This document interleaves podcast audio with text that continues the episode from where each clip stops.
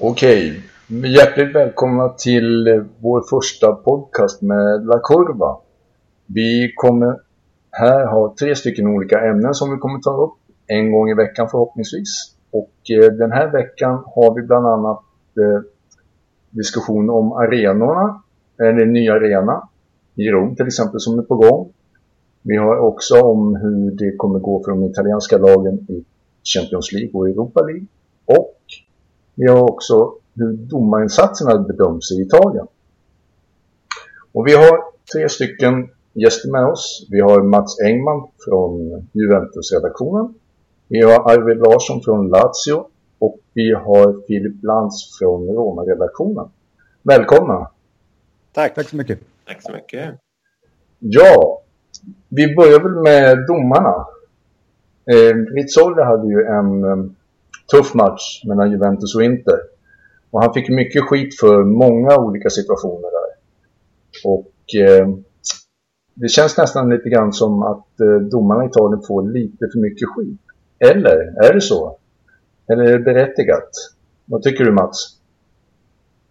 Ja eller nej? Eh, berättigat eller inte? Ja, det är en svår fråga att svara så att tvärt ja eller nej på. Jag tycker att domarstandarden har, har blivit bättre de, de senaste säsongerna.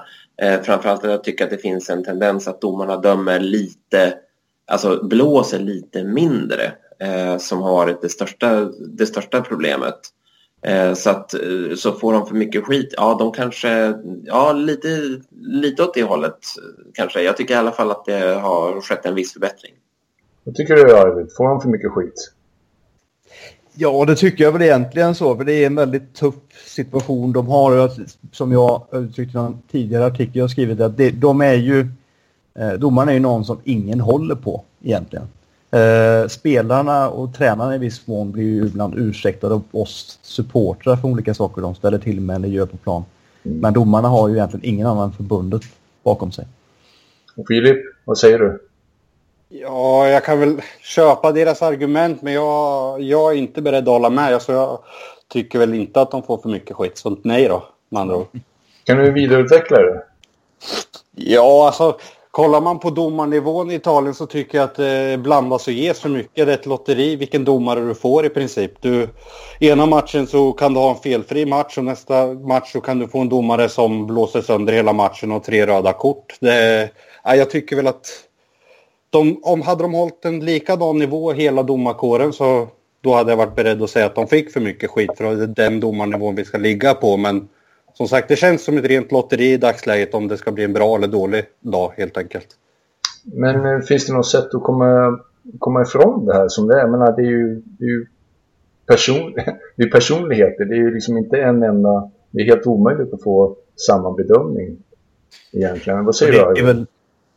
Ja, det är väl förbundet där som jag tycker ska vara de som ska få den största kritiken. För det är ju därifrån som direktiven och utbildningen ska komma. Om vi nu ska prata om domarstandard och man ska hålla liksom lika nivå i fråga om röda kort och straffar och annat som, som delas ut.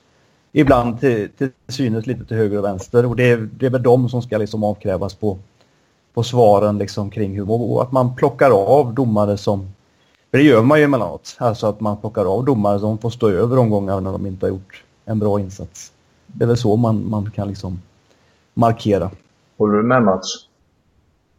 Ja, nej men, jag det man ska komma ihåg är att Italien är ju ett, ett land där med, med ett folk som är väldigt förtjusta i konspirationsteorier och, och som har Machiavelli som sin, en av sina liksom, främsta politiska tänkare Eh, och det speglar lite grann synen på domarna. När man pratar om domare så pratar man ju om två olika frågor egentligen. Dels pratar man om domaren helt enkelt gör, gör missbedömningar och där, där tror jag att eh, där måste man ju kunna vara mer förlåtande än vad man är. Eh, man kan se i, i tv-studior när folk sitter och vevar repriser åtta gånger och ändå kommer fram till olika svar. Eh, två fotbollsexperter emellan eller man kommer fram till på den tredje vevningen att, eh, att det nog minsann var offside ändå och så sen så klankar man domaren för det för att han inte kan göra den bedömningen från den position han råkar befinna sig på i realtid. Men sen finns det ju den andra frågan också. Det är ju om, om, om domarna så att säga med flit favoriserar någon klubb. Eh, och där, det har ju varit, om man då är Juventino så är det en diskussion som känns väldigt bekant. Eh, och, och där, liksom så här, de blandas ju ihop de här två diskussionerna som är på ett sätt som är ja, som måste göra det väldigt svårt för domarna att utföra sitt jobb helt enkelt. Ja, vad säger ni andra? Vad håller ni med? Arvid? Ja. ja, absolut. Jag håller väl med. Och det, man kom, de kommer ju lite, alltså man säger, med en del fördomar kring sig, vissa domare, och att de skulle i sådana fall favorisera vissa lag. Och, eh, Eh, inför alla matcher egentligen så kommer det ju med matchinfon en sorts statistik hur det har gått med den domaren tidigare. Vilket jag liksom inte riktigt känner igen från en, liksom en svensk kontext. Att man tillmäter det någon större betydelse. Liksom, så så att det, det, ja, det, det är ett speciellt förhållande till hela... Liksom, och det är liksom tabeller som räknas om om det inte hade varit för olika dom, domarmisstag. Liksom, och det, ja, det är speciellt i Italien. Filip? Ja, jag kan väl hålla med, men alltså missbedömningar kan väl alla göra som vi säger här i början. Men alltså det är de här grova domarmissarna som måste bort någonstans om man ska få en jämnare nivå i min värld i alla fall. Jag, jag kan ju bara prata av egna erfarenheter och där, eh, ja, vi pratar att Juventino vid diskussionen med att domare favoriserar dem och ja, vi vet nog alla diskussionen om att vi kan känna ibland att vi blir feldömda och liknande i stormatcher. Men visst, alltså det, alltså det kommer alltid, diskussionen kommer väl alltid finnas där så länge det är Italien vi pratar om. Det kommer väl aldrig försvinna som vi säger. Utan, men någonstans så måste man ju gå på då, kanske förbundet och skapa en jämnare nivå på det hela. För det, ja, det är som sagt, ja, toppar och dalar. Det är liksom, de är lite stora. Det är missbedömningar som sagt. Vi är alla mänskliga. Det, det köper jag med hull och hår. Men vad, vad, är en stor missbedömning som du säger? De stora missbedömningarna, vad, är, vad innebär det? Ja, alltså det är väl det här att uh, man tar ett rött kort alldeles för enkelt i vissa matcher. Att man uh, kanske tycker att ja, ena matchen så är det ett rött kort för man går in i ett hårt en disk, eller alltså en situation och nästa match så är det knappt ett gult och, och bara kanske en tillsägelse mm. i vissa fall. Det, det är den där nivån som måste bli bättre. Det kan liksom inte vevas med kort hit och dit i vissa matcher att de sätter en nivå där man knappt får röra varandra.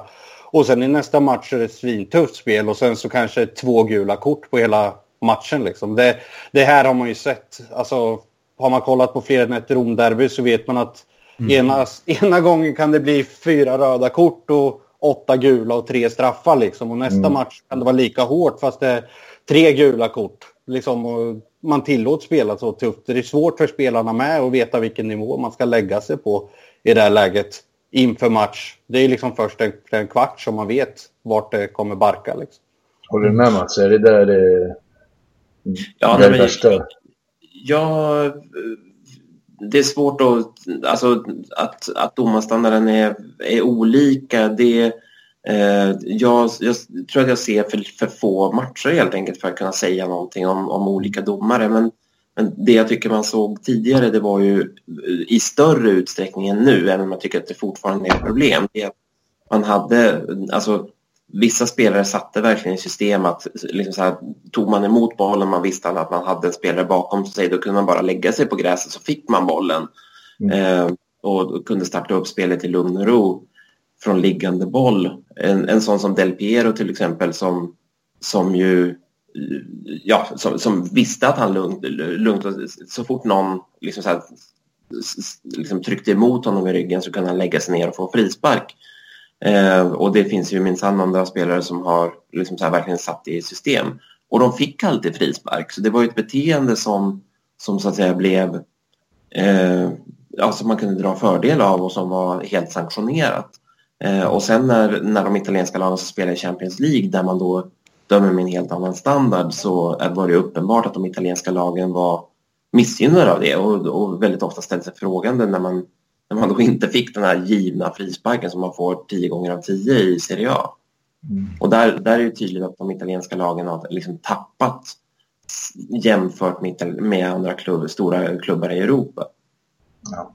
Jag ska inte, vi ska inte, vi kan gå hur, hur långt som helst med det här antagligen, men jag skulle bara ta upp en sak. angående betygssättningen på domarna.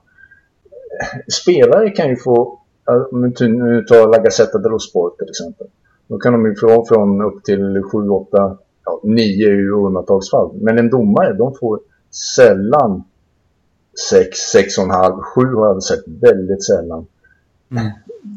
Är det inte lite hårt? Jag menar, minsta lilla misstag och de har 5,5.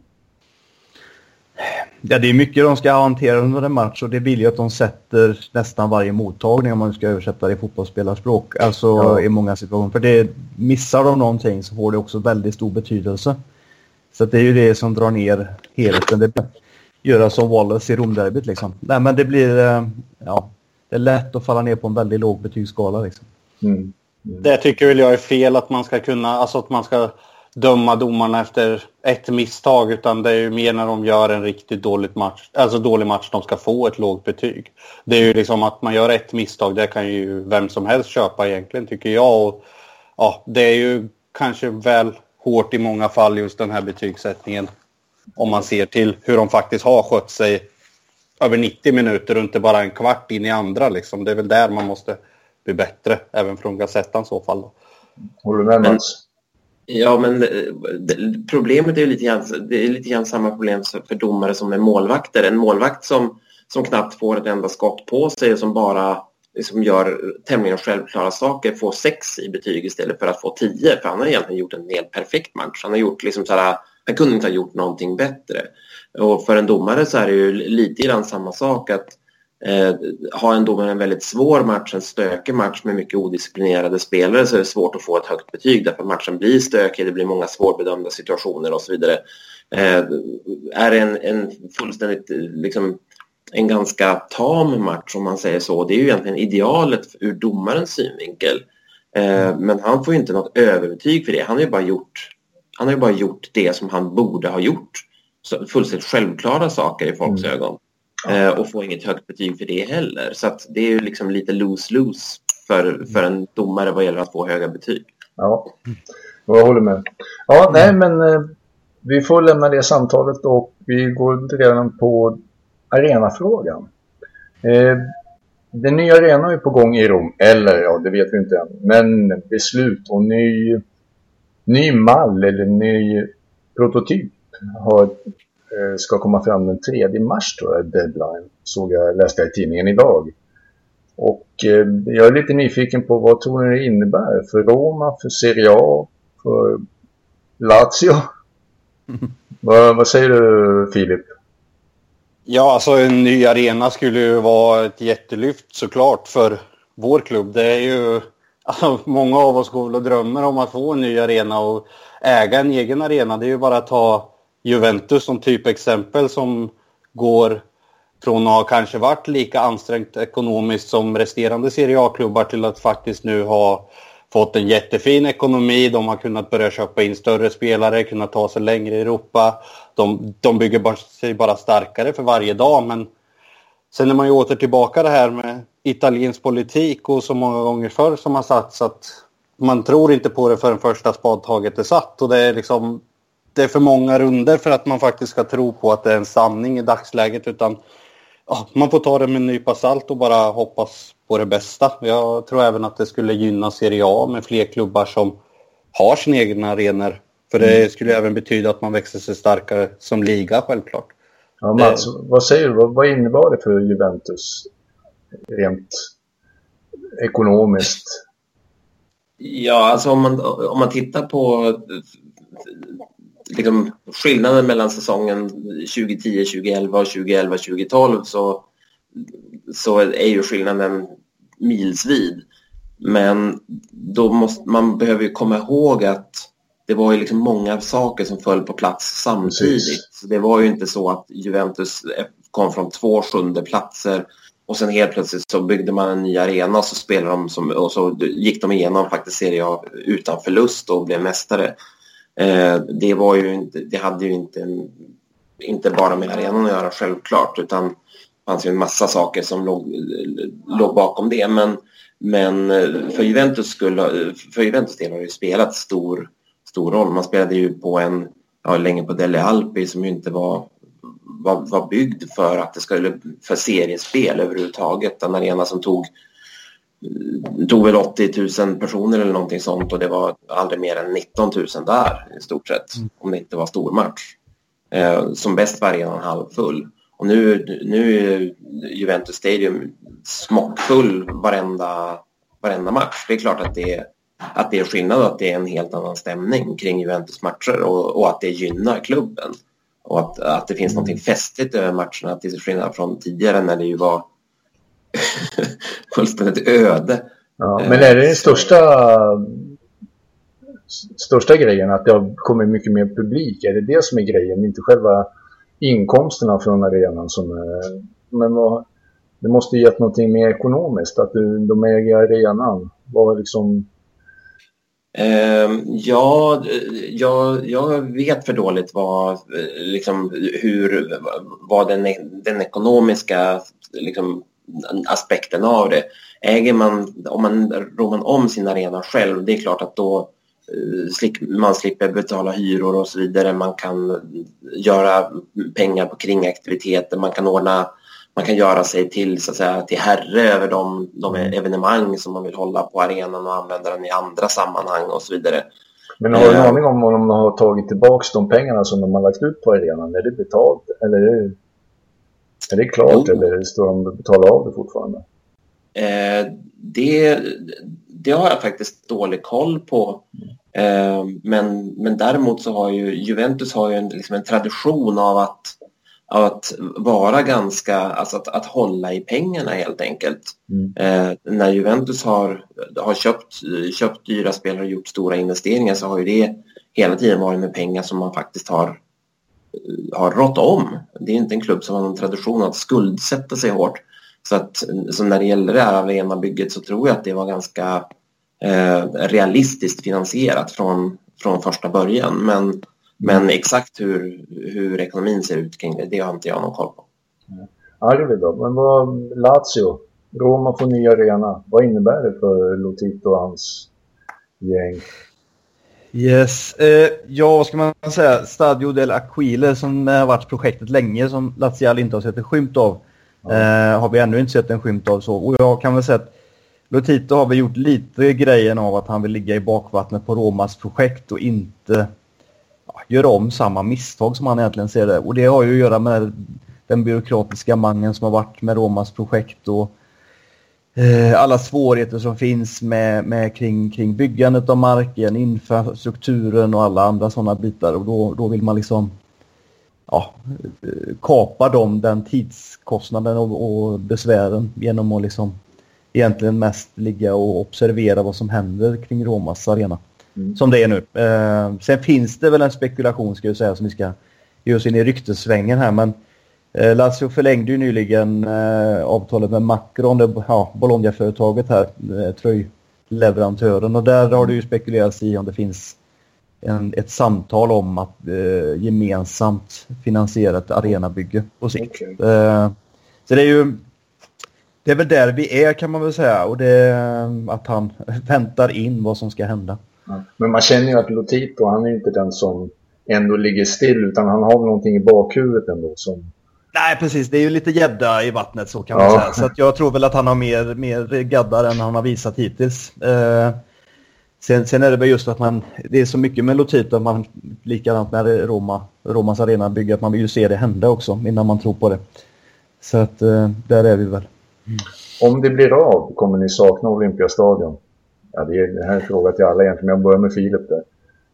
Ja, alltså det är klart man kommer sakna den. Visst, den är ju väl, alltså den är ju inte bra skick för fem öre, men ja. Alltså jag har ju ändå varit nere på tre Romderbyn. Man har sina finaste minnen därifrån. Jag har sett två vinster och en oavgjord match och varav Totti gjorde två mål i en match. Det är liksom, ja men alla minnen framför allt är det väl man kommer sakna och just den här ja, kurva sudd. Det är fullsatt kurva sudd inför ett Romderby. Det ja, det finns ju inget vackrare i mina ögon i alla fall. Ja, håller du med Arvid? Ja, absolut. Och jag delar ju andra typer av minnen åt andra hållet då, men eh, kring cupfinaler och annat.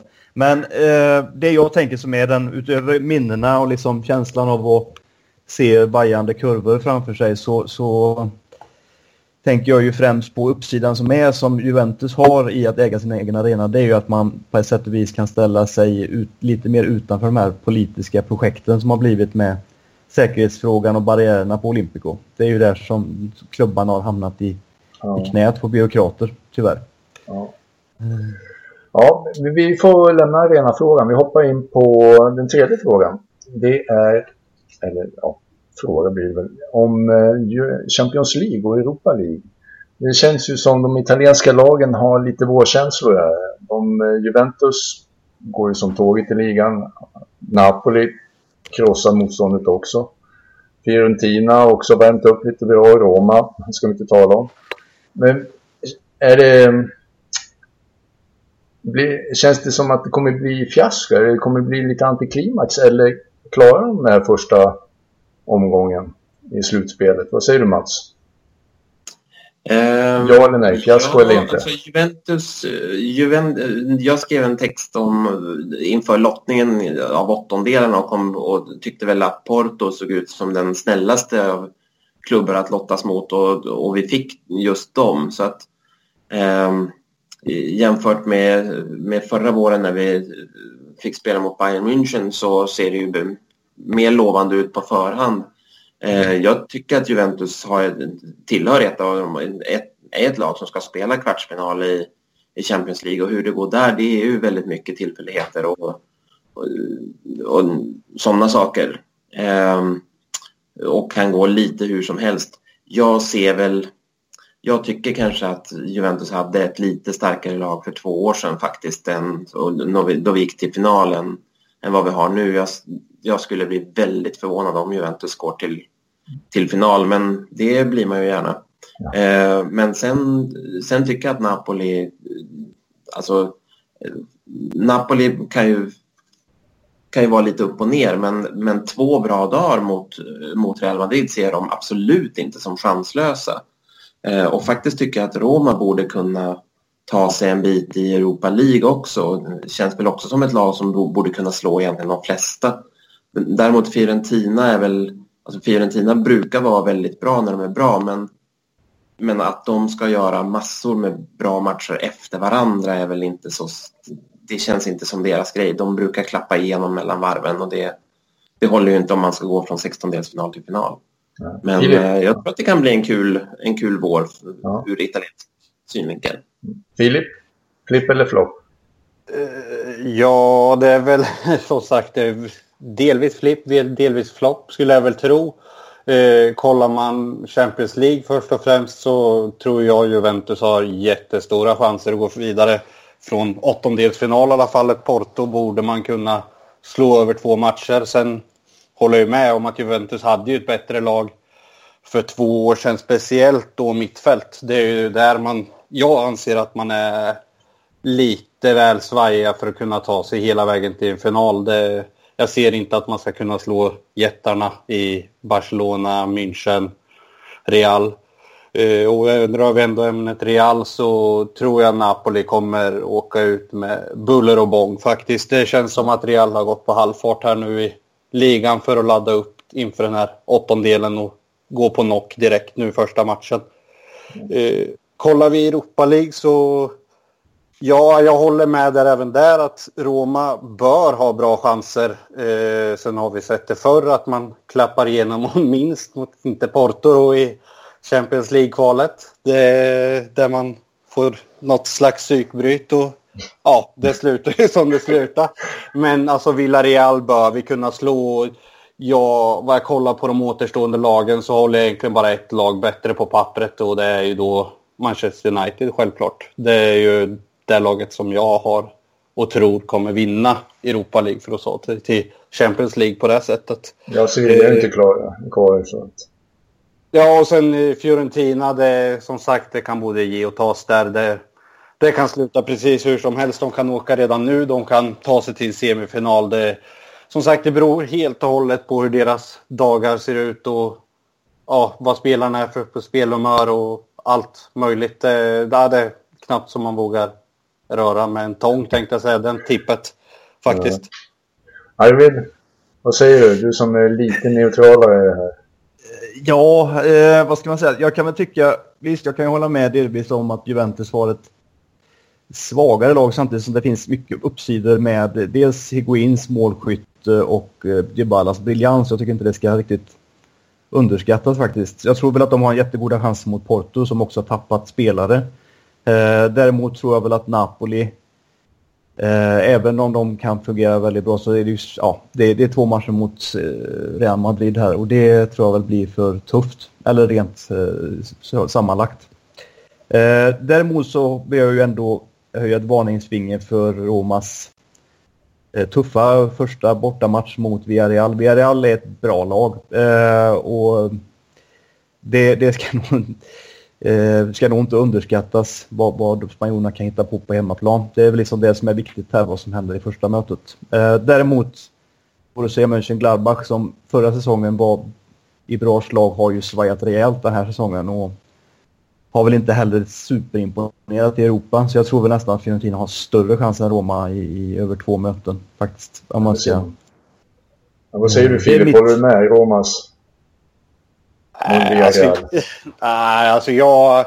Nu kan det vara hjärtat som talar, men jag tycker att vi ska slå ut Villarreal över två matcher. Sen visst så kan vi åka och kanske få stryk med 1-0 i Spanien, men någonstans vi har bättre lag överallt skulle jag vilja säga. Kanske att backlinjen kan svaja ibland. Det beror lite. Vi har sett Manolas har varit sämre sista tiden efter flyttrykten och liknande. Men alltså jag håller fortfarande Roma som det bästa mittfältet i Serie A. Alltså vi har ett komplett mittfält med Nangolan, Rossi och Stråtman om alla tre är friska. Det är liksom... Och Salah som är där framme och Dzeko har börjat leverera i år. Jag, när vi ska kunna slå ut Villarreal över två matcher. Och, det, och som sagt, det kan vara väldigt färgat i den åsikten. Men som sagt, jag tycker det talar för i alla fall. Mats, Mats du sa ju att eh, Juventus var sämre än för två år sedan. Men vad är det som... Det, vill ändå, det känns inte som ett bättre lagmaskin ändå på något vis tycker jag. Med, lite bättre topp med Higuain. Um, jag vet inte om jag egentligen tycker att Higuain är en bättre topp än Tevez var. Uh, Tevez gjorde så, han gjorde liksom nytta på så många olika sätt och um, jag, jag tycker om, jag tycker nog inte i alla fall att Higuain är en givet bättre spelare än, än vad Tevez var. Um, men sen är det ju, det är ju, det är på mittfältet som, som, skill, som jag tycker att skillnaden finns Eh, framförallt att för två år sedan så hade vi en Marquisio som, som spelade på absoluta toppen av sin, sin liksom, kapacitet. Mm. Han, var, han var fullständigt magisk där under, eh, eh, ja, under våren där. Plus att då hade vi Vidal eh, och, eh, och även en Pirlo som, som hade ett, såklart ett större liksom, större förmåga att, så att säga, vara avgörande än vad Pjanic har. Så att, eh, Juventus är ju ett, det är ett väldigt, väldigt stabilt lag. Mm. Men när man kommer till de här sista matcherna i Champions League då handlar det faktiskt om att man måste upp på en, på en nivå, nivå till. Det går inte att nöta ner motståndarna på samma sätt. Och, utan då, då kanske det saknas lite, lite briljans. Jag tänkte på om vi lämnar just den här omgången av Champions League och Europa League. Eh, inte nästa säsong, men säsong, säsongen därpå. Då blir det ju alla fyra lag, topplagen, som får Champions League-plats. Har det slappnats av lite i den italienska fotbollen på något vis? Det är inte samma stress över att få bra poäng. Tycker man att det känns så, eller? Om vi säger Filip. Ja, alltså jag, både ja och nej. Alltså, det är ingenting jag har märkt av hittills alltså, på det sättet. Men det är klart att det kommer väl komma nu framåt våren att det blir inte samma det här att ja, jag har väl aldrig suttit och hoppats på att varken Juventus eller Lazio ska gå långt i kupperna men man har ju alltid haft en känsla av att ja, men det är bra om Napoli går långt eller det är bra om Fiorentina går långt eller Inter eller Milan så koefficienten blir hög så att vi kan få fler platser. Eh, det är klart det kommer märkas av. Det tror jag absolut. Det, sen kommer det ju rustas inför den säsongen att du bör sluta topp fyra för både Juventus, Roma, Fiorentina, Milan, Inter, Lazios del. Mm. Annars är det inte en okej okay säsong. Du ska nå Champions League med fyra platser, ges i ligan. Det, det kan inte vara okej okay annars helt enkelt. Det tror jag man kommer se ett större...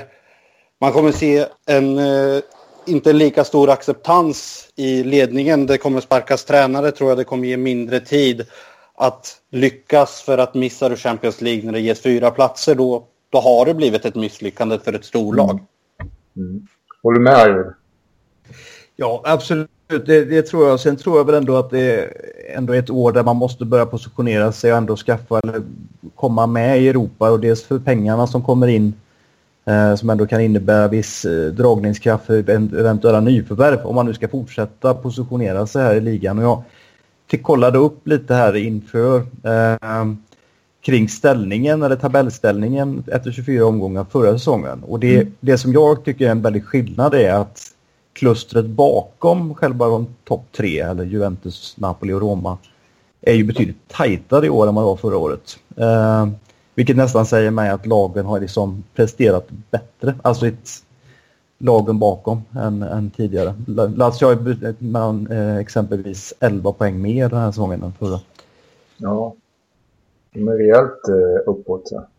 Ja, Atalanta har väl betydligt mycket fler än förra säsongen ja. tänkte jag säga. Ja, och även Milano-klubbarna där. Så att det är liksom, eh, jag får ändå säga att de är, där har det inte slappnats av i poängskörden på många Nej. håll i alla fall.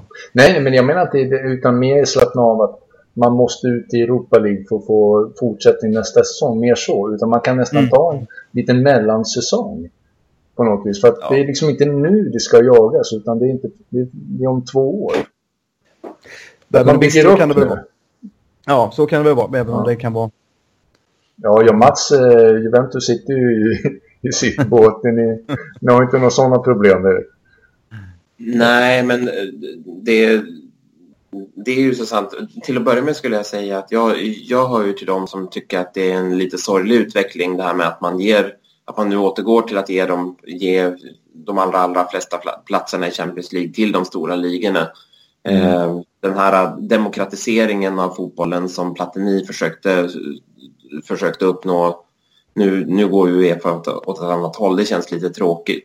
Mm. Eh, men med det sagt så, eh, menar, nu vet jag inte vad, hur realistiskt det är att, att till exempel ett lag som Atalanta ska kunna fortsätta bygga från där de är eller om de blir uppköpta. Men det skulle ju kunna bli en, en fantastisk, fantastisk jakt och att ja. på den där kanske då fjärde, realistiskt sett fjärde platsen och att man får, får ut ytterligare något, eh, få med något nytt italienskt lag bland de, de här stora pengarna i Champions League. Det hade ju varit fantastiskt. En lyckosäsong för, för ett Atalanta eller ett Torino skulle kunna ta, ta laget till Champions League. Det mm. finns någonting kul i det.